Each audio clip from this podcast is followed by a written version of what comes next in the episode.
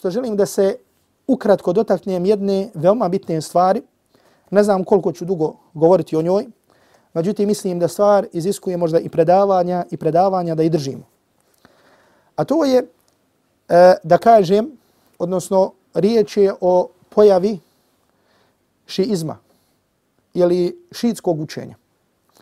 Mi smo o tome govorili s ovog mjesta ili odavde više puta. Međutim, ono što želim da skrenem pažnju e, ovdje večeras jeste sljedeće. Draga braćo, e, skoro sva dijela ili veliki broj dijela akaidski ehli sunnata al džemata u svojim dijelima spominju ljubav prema poslanikovoj sallallahu alaihi wasallam porodici. I ljubav prema poslanikovoj sallallahu alaihi wasallam porodici je došlo i u Kur'anu, je došlo i u sunnetu Allahovog poslanika sallallahu alaihi wasallam. I zato mi, sljedbenici sunneta, poslanika sallallahu alaihi wa sallam, ehli sunnetu wal džemaat, znači prihvatamo sve hadise, da tako kažem, bez ikakvih problema, koji govore o poslanikovoj sallallahu alaihi wa sallam porodici. I na kraju krajeva i tradicija muslimana ovih prostora, koji su od dolazka Islama pa do danas bili sunnetskog učenja, odnosno ehli sunnet vel džemata, sigurno njihova tradicija ukazuje da su volili poslaniku sallallahu alaihi wa sallam porodicu. I zato, na primjer, e, raširenost nekih imena među nama, među ovim narodom, ukazuje na tu ljubav. Pa, na primjer, raširenost imena, imena Hasan, Alija, Husein, uh, Musa Čazim, znači misli se Musa Kazim, kao što ću možda spomenuti, Ali, Riza, Ali, Rida. Znači, ukazuje na ljubav muslimana ovih prostora prema Ahlul Bejtu. Međutim, gledajte. Šitsko učenje je učenje koje nema nikakve veze niti sa predajom, niti sa razumom. Znači da dođe čovjek zdravog razuma i kaže gledaj, evo sad se interesujem, pa možda da prihvatim to učenje. Da prihvatim možda to šitsko učenje. Možda je to istina. I da čovjek počne slušati te dokaze to. Znači čovjek koji ima razuma, znači shodno mom ličnom ubjeđenju, čovjek koji ima razuma to ne može prihvatiti. Znači čovjek to učenje taj ne može prihvatiti. Zato što postoji toliko opšte poznati i prihvaćeni razumski stvari, znači di čovjek kaže pa dobro ja ovo ne mogu prihvatiti. I zato je, zato se dešavalo da velike autoriteti, šiitski, ostave to šiitsko učenje, zato što kažu ovo nema veze sa razumom. Ovo nije moguće ovako. Na primjer, spomenut ću vam. Na primjer, e, šije pod navodnicima veličaju Aliju i Ahlul Bejt. Međutim, oni u stvari omalovažavaju Aliju i Ahlul Bejt.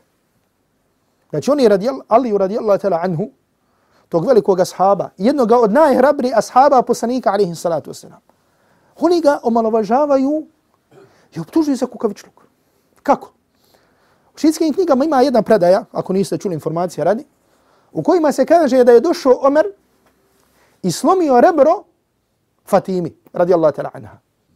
Da je došao Omer, uleti u kuću i slomio rebro Fatimi, radijallahu ta'la anha. Znači ženi, ali čerki poslanika sallallahu alaihi wa sallam. Znači je li moguće da Ali radijallahu ta'la anhu, koji je bio najhrabri, od najhrabri ashaba, da kada se spominje taj događaj, da njega nigdje nema, Je li moguće danas za nekom čovjeku, bez omalovažavanja, znači nekom prosječnom čovjeku, prosječno fizičke snage, da mu dođe ili banda ili policija, ili ne znam ko, na vrata, evo da kažem dođe policija. I on šta rekne, aj ženo ti izađi. Da je, I njega niđe nema. Znači ali koji je bio najhrabri ashab, poslanika alaihi salatu wasalam. Da dođe i šta? Da njega nema, da kažem uopšte tu. To je malo žavanje, ali radijallahu ta'la anju. Zatim, na primjer, njihove knjige, kažu i potvrđuju da je Alija svoju kćerku koja se zvala, zvala kako? Ummu Kulsum. Znači koja je bila kćerka koga? Fatime. Znači Alija radijallahu ta'la anhu je imao više žena. Znači žena Fatima, poslanikova sallallahu alaihi wa sallam kćer, sa njom je imao Hasana, između ostalo Hasana, Huseina i Ummu Kulsum. Znači Ummu Kulsum je kćerka ali od Fatime. Jel u redu? Ta Ummu Kulsum je bila čija žena? Bila žena Omara radijallahu ta'la anhu. Ali je dao Omeru kao šta? Kao ženu. Međutim, gdje je sad problem? Problem je sad što tu predaju, spominju i u svojim djelima. I toliko se spominje da ne mogu da šta, da ne mogu da je, da, da je negiraju. Međutim, šta kažu? Kažu, Alija je dao Omaru radi straha i strah od Omara. Znači da neko straha od nekog čovjeka, znači da neko ko je najveći junak u jednom narodu, da dadne nekome svoju čerku, ne da dadne, kažu to je dao Isra. Tako Allah, šta je to? Je to veličanje, je to poštivanje da kažem Ali radi Allah tala anhu? Znači nije to poštivanje Ali radi Allah tala anhu. To je malo žavanje Ali radi Allah tala anhu. I zato ehli sunnat wal džamaat ima taki stav prema njima zato što omalovažavaju poslanikovu sallallahu alaihi wa sallam porodcu. Oni ne veličaju poslanikovu porodcu, nego šta? Omalovažavaju poslanikovu sallallahu alaihi wa sallam porodcu. Aj ne. Druga stvar, da dođe čovjek kaže vidi. Hajde sad da vidim sa strane predaje. Znači te predaje koje oni prenose od Ehlul Bejita. Možda je to vjerodostojno preneseno. Pa ću povjerovati u tu predaju. Međutim, oni nemaju nikakvih predanja.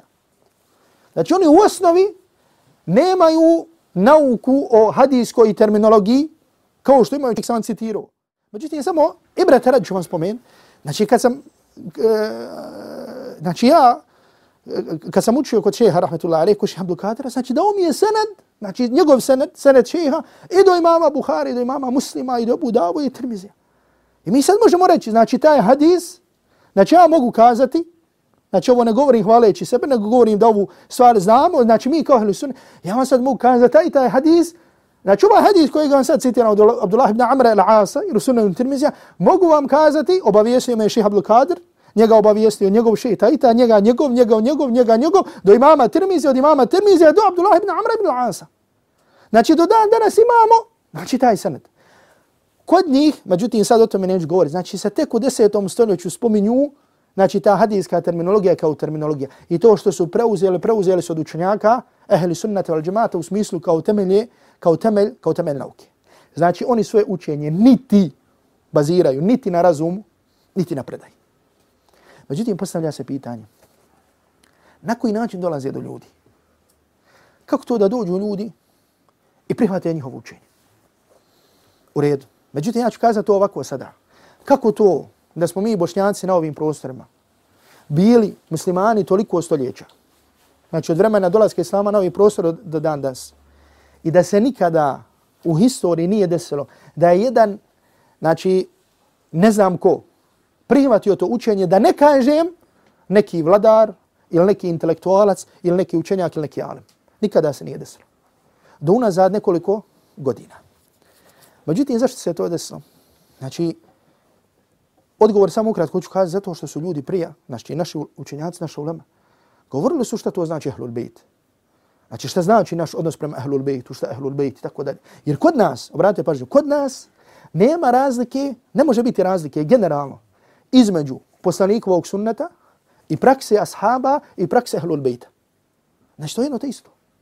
Znači čak što više mi u svojim knjigama prenosimo ahli sunnetskim hadise u kojima Boži, Boži poslanik sallallahu alaihi wasallam nam, nam ostavlja da se držimo ahlul bejta. I kaže Boži poslanik sallallahu alaihi wasallam ostavio sam vam dvije stvari, znači to je hadis kojeg mi prenosimo. Ostavio sam vam dvije stvari koje su, ako se budete držali, nikad nećete zarutati. Kaže moju knjigu i moju porodicu. I zato kažemo šta? Kad uzmemo sve poslanikove sallallahu alaihi sallam hadise, obzir i dokaz.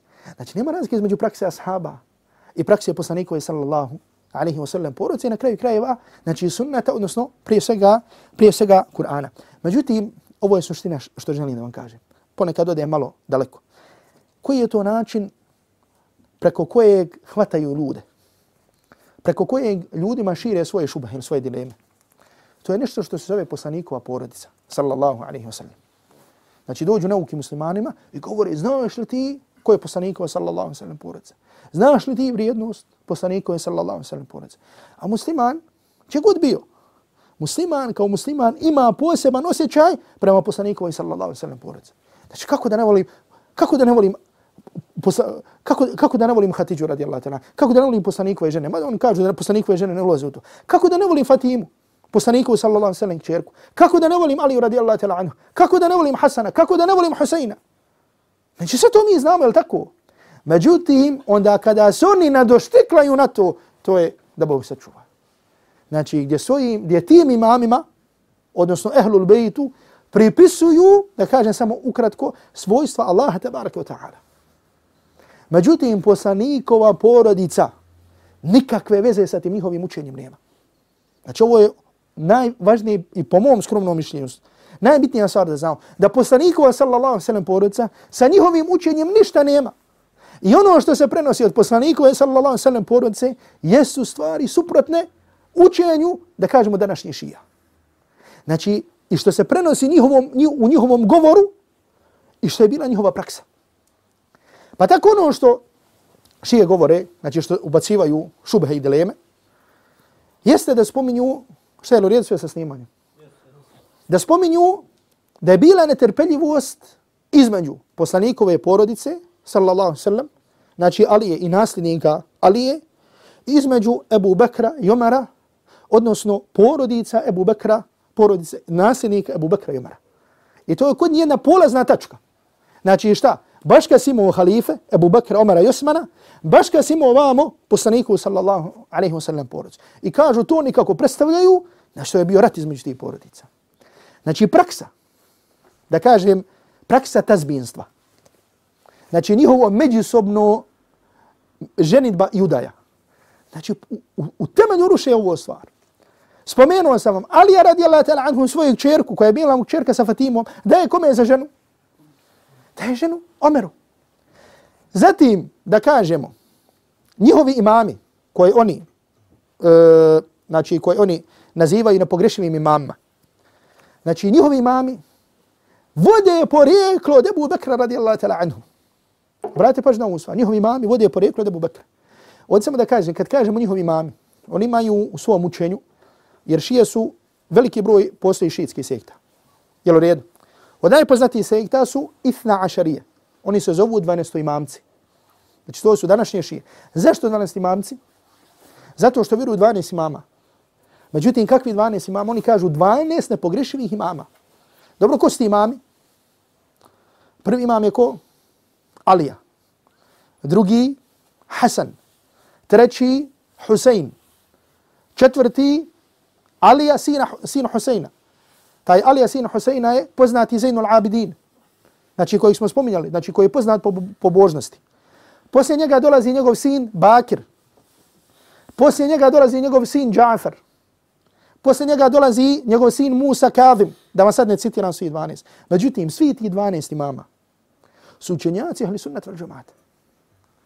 I biografiju svi u njih ćete naći gdje? U knjigama ahli sunnat al džamata. Znači kada se kaže Džafer Sadiq, Muhammed Bakr, znači koje oni smatraju petim i šestim šiitskim imam, nisu to, ne kaže njihovi imami. Znači to su imami ahli sunnat vel džamata.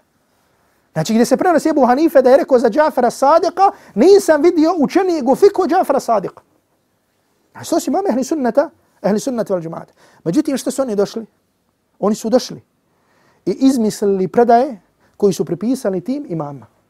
Jer danas kad dođete i kažete nekome, to je rekao imam Džafara Sadiq ili Muhammed el-Baqir, dobro on kaže, dobro, ko je to? Kaže, kako ne znaš ko je to? To je unuk ili praunuk Ali radi Allah tala anhu. Poslanikova porodca. Znači čovjek će stati. I onda on počne da šta? Da daju svoje lažne, lažne izjave. Džafer Sadiq, njegov otac je bio Muhammed Baqir. Ne znam koliko ćete upret sad ova imena i ove veze. Znači ima, znači mi muškarstvo slabije faćamo. To bi žena odmah upretla. Džafer Sadiq, njegov otac je bio Muhammed Bakr. Ovaj Muhammed Bakr je oženio ženu, ovo dobro mu prete, žen, oženio ženu koja se zvala Umu Ferva. Ova Umu Ferva je bila i sa majčine i sa babine strane praunuka Ebu Bekra. Bila praunuka koga? Ebu Bekra. Jer njen otac je bio Kasim, sin Muhammeda, sin Ebu Bekra. A majka je bila Esma, čerka Abdurrahmana, čerka Ebu Bekra. I zato što je Umu Ferva, žena Bakra, koja je rodila Džafara Sadiqa, znači zato što je bila po, i po očevo i po majčinoj vezi, pra unuke Ebu Bekra, znate što je Džafer Sadiq govorio? Kaže, govorio je, rodio me Ebu Bekr dva puta. Govorio je šta? Rodio me Ebu Bekr dva puta. Šta znači dva puta? Aludirajući na ovu duplu vezu sa Ebu Bekrom radijallahu ta'ala anhu. I ne samo to, znači ovo potvrđuju njihove knjige. Dalje šta se prenosi? Kaže, prenosi se da je došao čovjek Bakiru i njegovom sinu Džaferu. Jer oni najviše predaja što pripisuju, oni pripisuju kome Džaferu Sadiku. I zato se zove Džaferijski mezeb. On tako naziva svoj mezeb Džaferijski mezeb. Zato kažu, zato što su svi imami živjeli u strahu. Osim, eto, malo je bilo slobode u vremenu Džafara Sadika. I kažu, zato se je proširilo to znanje. Uglavnom ne, se neću vam sad puno o tome govoriti. Došao je čovjek i upitao Muhammeda Bakira i njegovog sina Džafera o Ebu Bekru i Omeru. Pa su mu njih dvojice odgovorili. Kaže, ja Salim, a čovjek se zao Salim. Kaže, ja Salim ta wallahuma o Salime. Kaže, voli njih dvojicu. I kaže, odrekni se njihovih neprijatelja. Da što govori ko? Imam Bakr, imam Džafar Sadiq. Voli Abu Bakra i kaže Jomera. I kaže, odrekni se njihovih neprijatelja. I kaže, da Bog da me ne obuhvatio šefaat Muhammeda sallallahu alaihi wasallam, ako ih ja ne volim i ako se ne odričem njihovih neprijatelja. A došao je čovjek isto tako Bakru, znači od, od Džafara Sadiqa, i upitao ga Zebu Abu Bakra i Omara. Pa kaže, tako mi Allaha, kaže, ja ih volim i tražim oprosta, oprosta za njih. I kaže, nisam zatekao nikoga od moje porodice, od ehlul bejta, a da njih dvojicu šta? Da njih dvojicu ne volim. Međutim, znate šta je najveći brat? Najveći brat što ove predaje nalazite u šiitskim knjigama. Ove predaje nalazite gdje? U šiitskim knjigama. Ne samo te predaje, nego i druge predaje. Znači, nalazite predaje gdje su govorili o kaburovima. I zabrani veličanja kabura, i zabrani uzdizanja kabura. I sve što, to što su to bili imam jahli sunneta. Međutim, kada dođu te predaje koje ne odgovaraju njima, što odgovaraju? Kako je odgovor? Kaže, to su rekli tukijeten, u taqijeten. Kaže, to su rekli u tuki, u strahu. Znači, nisu smjeli da to kaže, nego su to rekli šta? U strahu. Pa dobro, kad pogledate, znači čitav život njih, znači za nisu bili najhrabri, zar Husein radijallahu ta'la anhu nije poginuo, zar nije bio ubijen, znači u boju na Kerbeli, znači jel, jel, jel, jel strahu, jel bio kukavica, jel bio šta, Jel bio junak, ali radijallahu ta'la anhu, jel bio junak, ili bio šta, znači jel bježao s bojnog polja, ne, ne, kad dođu predaje i pogledajte, zato to pretvaranje, to tu, kod njima puno veće značenje. Kada god dođe neka predaja od ahlul bejta, oni kažu to su govorili u čemu? To su govorili tuki. I kada se pojave ova srodstva, i ne samo ta srodstva, nego sad ima stvar, ali od zelen vremena, ako bi govorili, čak kada se pojavi, kada se pojavi stvar, kako su ti poslanikovi potomci, kako su nadjevali imena svojim, svojoj djeci, kaže, to se na tukijom. Zato, na primjer, Musa Čazim, spominju Musa Čazima, kod nas poznat Musa Čazim Čad. Znači, po Musa Kazim, to je bio sino Džafara, Sadika, je dao svojih čerkima Aisha. I znači u njihovoj porodici je bilo imena i Aisha, i Abu Bakr i Omer. Ne sve sta imena. Međutim, i to kaže Davol Suki. Zato što se bojali čega? Zato što se boja vlasti. Zato Ahlu sunnat vel džemaat kaže, znači vi ne da veličate ahlul bejt, vi omalovažavate ahlul bejt. Znači, pripisujete im osobine kao da su bili šta? Kao da su bili najveće kukavice. Međutim, ta stvar sa kojom dođu, draga braću, znači preko koje love ljude, preko koje ljude, lode, love ljude ovdje u Bosni. Međutim, ljudi nauki. Znači danas se dovoljno, možda ne govori, ili bilo periodo kad se nije dovoljno govorilo. Dobro, da li mi, znači zato kad oni dođu, znate vi kaže, taj ima hadisa u sunnijskim knjigama koji govori o vrijednosti Ahlul Bejta. Vala, normalno da znamo da imamo to prihvatamo i nikakav problem sa tim nemamo. Znači kako god da dođeš, jel dođu, znači znate li, dođu sa šubhom, ovo kaže dođu sa šubhom, da Fatima radijallahu ta'la anha je bila ljuta na Abu Bekra. da je bila ljuta na Abu Bekra sve dok je umrla. Da, to je istina. To je hadis u Radosu Bukhari. Znači, poslanik sallallahu alaihi wa sallam, kada je umro, Fatima radijallahu ta'ala anha je tražila nasljedstvo. Nešto od imetka što je Boži poslanik sallallahu alaihi sallam imao. I tražila je to od koga od Abu Bekra, zato što je bio prvi halifa muslimana. I Abu Bakr joj nije dao. Zašto je nije dao? Je li uzeo sebi? Kaže, neću ti, kaže, kaže, neću mijenjati ono Što je rekao poslanik sallallahu alaihi sallam. Poslanik alaihi sallatu sallam je rekao, mi poslanici ne nasljeđujemo. I ono što ostavimo, to je sadaka. I kaže, to sam čuo poslanika sallallahu alaihi sallam. I Fatima se naljutila rad toga. I, I Fatima je umrla šest mjeseci odmah posle poslanikovi sallallahu alaihi sallam smrti. Dobro, učenjaci kad govore u komentarima, kažu da je e, da, da, da je bila ljuta Nebu Bekra ili da se okrenula Nebu Bekra, kaže ne znači ono okretanje ili pričanje da je haram. Nego jednostavno nije htjela da se susretne sa njim. Dobro. Znači, Ebu Bekr radijallahu ta'ala anhu rekao to, taman kad bi kazali da je pogriješio. Na osnovu čega? Na osnovu teksta koji je on imao. Ja imam taj tekst i neću ga ostaviti. Fatima radijallahu ta'ala anha se naljutla. Dobro, naljutla se. Znači, stvari veće od ovih se dešavali među ashabima. Jesu li se dešavali? Jesu li digli sablje jedan protiv drugi? Da li mi to što su ashabi digli sablje jedan protiv drugi, da li to krijemo u svojim knjigama? Ne krijemo, nego kažemo desilo se među ashabima da je došlo, bila bitka ta, bitka ta, ovaj ashab je na ovoj strani, ovaj ashab je na ovoj strani. Čak ne sunnet vel džemaat kaže, kada je u pitanju sukob između Ali i Muavi, ko je bio na istini? Ali radijallahu ta'ala anhu.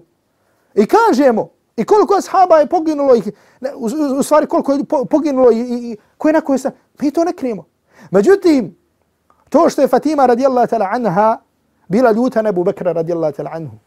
Da to znači da ga je grdila? Da ga je vrijeđala, da je ovo, da je ovo, što oni dodaju? Znači, Allah je robovi, znači dođe čovjek kaže, ja sam, kaže, Havze, našao taj hadis u Buhari. Pa dobro, znači, bilo je veći stvari od toga koji se dešavali među ashabima.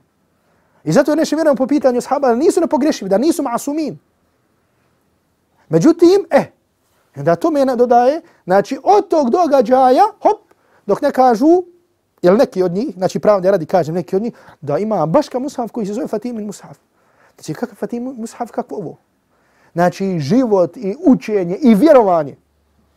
Poslanikove sallallahu alaihi wa sallam porodice je poznat. I on nije sakriven. I to se nalazi u našim knjigama. Znači u, našim knjigama, ne sjećam se dobro samo, da li samo u Buhari ili Muslimu ili, ili, ili u Kutubu Sita, u sve šest knjiga, znači ima oko 2000 predaja od Džafara Sadiqa. Znači, da li to mi, da li to mi skrivamo? Ne skrivamo. Znači, to su poznate ravije u našim. Međutim, ovdje ukazujem i kažem da dolazi do ove stvari. Zbog čega? Zato što ljudi ne znaju ispravan, odnosno stav prema ehlul bejtu i preko te šubhe, znači ono što su lovili, da kažemo, miskina na ovim prostorima, ulovili su upravo, znači preko, preko nečega što se zove ljubav prema poslaniku sallallahu alaihi, alaihi wa sallam porodici. Međutim, Allah tabaraka ta'ala molim da proširi naše znanje, da, se pro, da, da olakša širenje znanja na ovim, na ovim prostorima i molim subhanahu wa ta'ala da uzvisi istinu i one ljude koji pozivaju istinu, koji pozivaju sunnetu Allahovog Rasula sallallahu alaihi wa sallam. Ovdje kažem, ovdje sam samo ukratko osvrnuo na ovu stvar, mada uz Allahu tabaraka wa ta'ala pomoć možda nekad kad nam uh, kada nam kad budemo imali vremena ili mogućnosti, znači da budemo govorili o biografiji o, o biografiji ovi, znači o, o biografiji Alija radijallahu ta'ala anhu, o biografiji Hasana, Huseina, Zainul Abidina, Muhammeda Bakra, Ja'fara Sadiqa, znači sve su imami, imami upute, imami ehli sunnata, imami ehli sunnata, imam ehli sunnata vel džamata, čije učenje, čije učenje bilo jasno. I ću vam samo još jednom spomenuti da, e, da sam čitao znači, te predaje, e, o njemu sam vam možda bio govorio, e, mislim pre nekoliko dana da je naš brat e, šejh Abdul Samed prvo jedan lijep tekst od eh, uh, Ajetullahi Burku'ija. Znači, eh, uh, Ebul Fadl al-Burqu'i je bio jedan veliki, veliki šiitski imam ovog vremena. Znači, za ovo se je čak znači, došao da ređu Ajetullaha, što kaže. I bio je čak veoma blizak prijatelj Humeinija. Međutim, i čak je bio, da kažemo, veliki neprijatelj ili žestoki, žestok protiv onih koji su bili protiv, tako da kažemo, šija.